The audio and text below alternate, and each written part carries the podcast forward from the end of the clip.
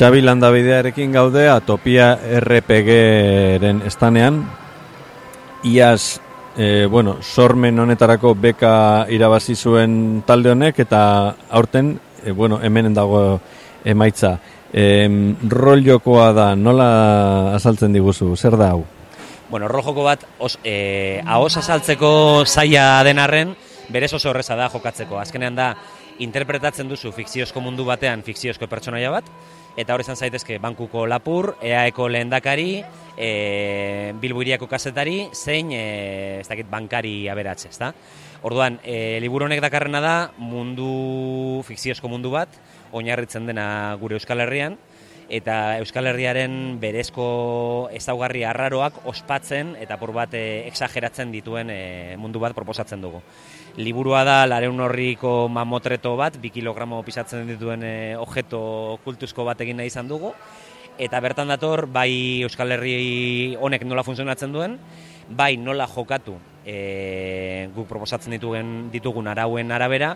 Eta baita ere datoz e, amar bat proposamen e, lagunekin juntatu eta berehala e, jokatzen jokatzen hasteko. Orduan liburu forma duen arren esango genuke dela jostailu kutxa bat edo sukaldeko errezeta liburu bat.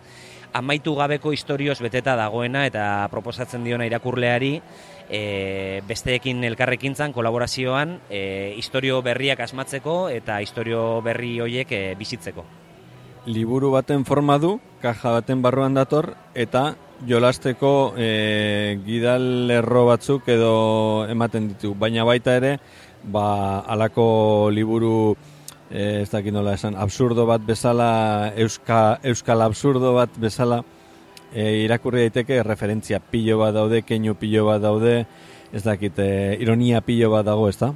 Bai, aurtengo azokaren eh, lema uste dut osorik da dela, eta gure lema ez ofiziala da osorik da da. Ze dadaismotik asko asko dan dugu eta oso liburu dadaista da. Dago puzletik badu asko, e, referentzia kultural eta politikos josita dago, eta etengabe e, egiten dio keinu begikliska edo keinu bat e, irakurleari, eta zentzu horretan e, inoiz jokatuko ez duenak ere, naiz eta mundu guztian animatzen dugun rolera jokatzera, rolean jokatzera oso divertigarria delako, inork iraku, e, jokatuko ez balu ere uste dugu oso, di, oso liburu divertigarria dela irakurtzeko. E, ez genuke komentatuko, agian dena takada berean edo hartzalde berean irakurtzerik oso liburu, ez dakit, arraroa, dentsoa, e, estrafalarioa izan daitekeelako, baina uste dugu irakur, irakurgai bezala e, gustagarri izan daitekeela. Eta bueno, gu gainera defendatzen dugu literatura forma bat dela orain arte euskera landu gabe zegoena. E, rol jokoena eta eta bueno, hori da egin izan duguna, alik eta libururik politena, e, alik eta mundu Euskal Herririk arraroena, eta fikzioaren bidez aukera eman ba, Euskal Herrian gertatzen diren gauza askota hitz egin alizateko, ezta? Agian beste batzutan e, saia egiten zaigunak zuzenean hitz egitea, ba, fikzioak eman eman diezaguke dispositibo bat horretaz e, horretaz hitz egiteko, horretaz barre egiteko, horretaz negar egiteko, ezta?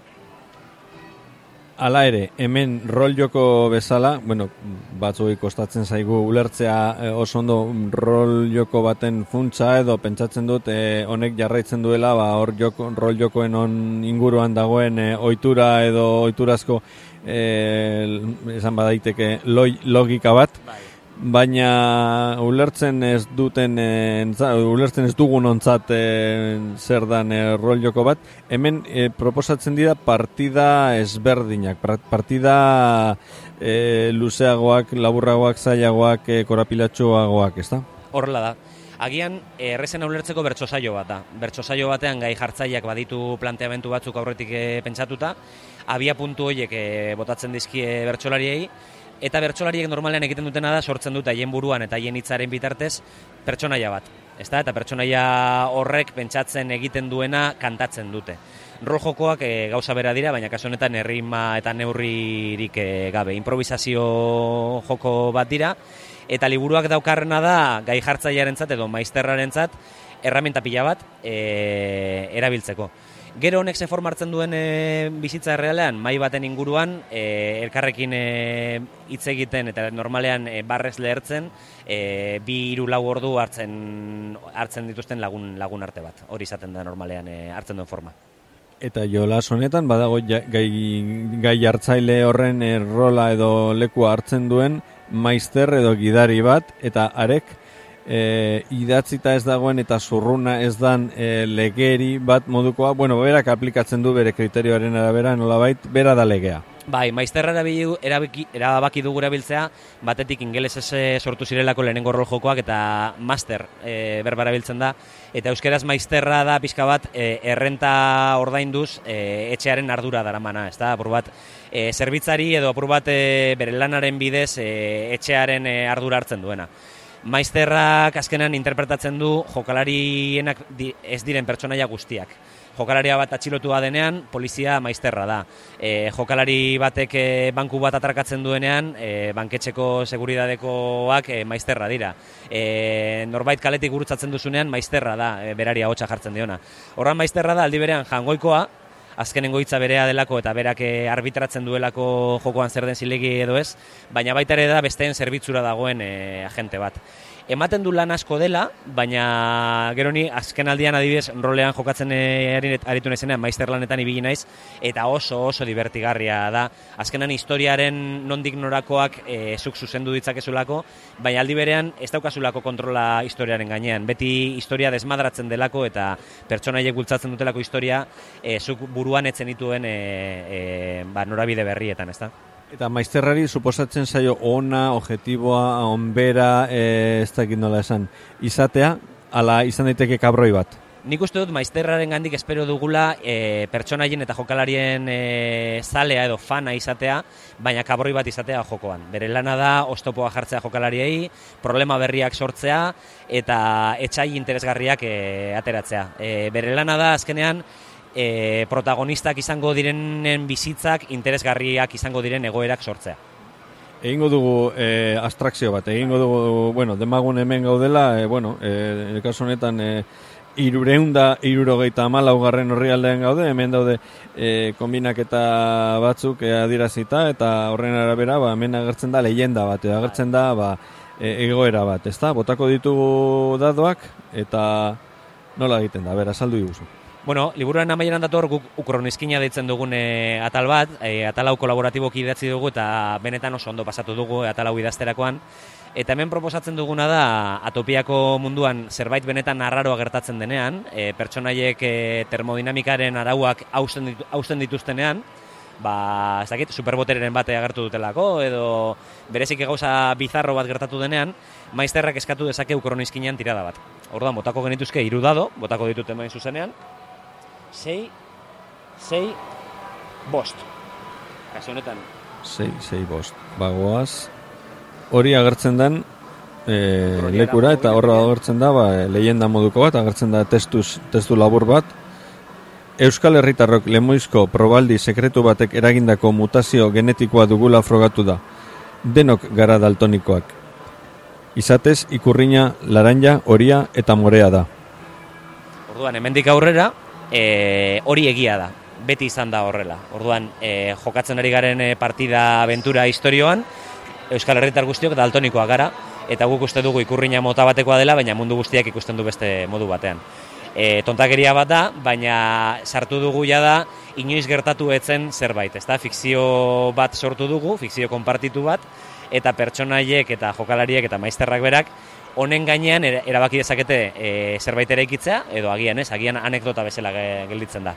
Berriro nahi izan duguna da, e, tresna kutsa bat ezkeni, e, talde bakoitzak erabaki dezan, ze arau erabilina dituen, zeinek ez, eta, bueno, ukronizkinaren kasuan da, kolore pixka bat eta Euskal Herria arraroa gotzearen alde proposatzen dugun e, gertatu ez ziren, baina gertazitezkeen gauza improbableen zerrenda, zerrenda luze bat bide batez, zer da atopia bat? Ze guk ezagutzen genituen utopiak eta existitzen ez diren lekuak, ukroniak e, gertatu ez diren e, denborak, eta atopia bat zer da?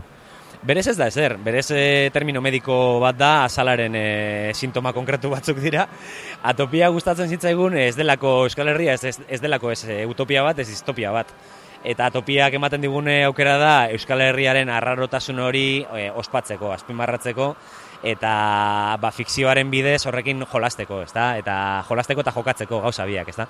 Horan guretzako izan da azkenen aitzakia bat, bueno, ba, elkarren kontrako borroka e, etengabe batean, bos fakzio fikziozko, baina esango genuke identifikagarri e, elkarren borrokan jartzeko, ezta? Eta topia zer da? Bueno, ba, Euskal Herri arraro agotu bat. Espero dezagun, bueno, imaginatzen dugu zuentzako ez dala bihurtu distopia bat, ba, ondo pasatu duzuela hau egiten, ezta? Ze izan ere badu asko humoretik, ezta? Oso ondo pasatu dugu, eta bueno, inorke jarraitu bagaitu Twitterretik edo, e, bueno, mendako bestekide bat, e, aiora urbildu da eta alde egin du, e, nik uste oso oso ondo pasatu dugula egiten, nekatuta gaude, e, prozesua eta batez ere azkenengo emaitza hemen egon dadin, ba, lan handia izan delako, Baina, nik uste dute hau ez dela hemen amaitzen, eta honek hasiera bat, baino ez duela, hasiera bat izateko asmo guztia daukala.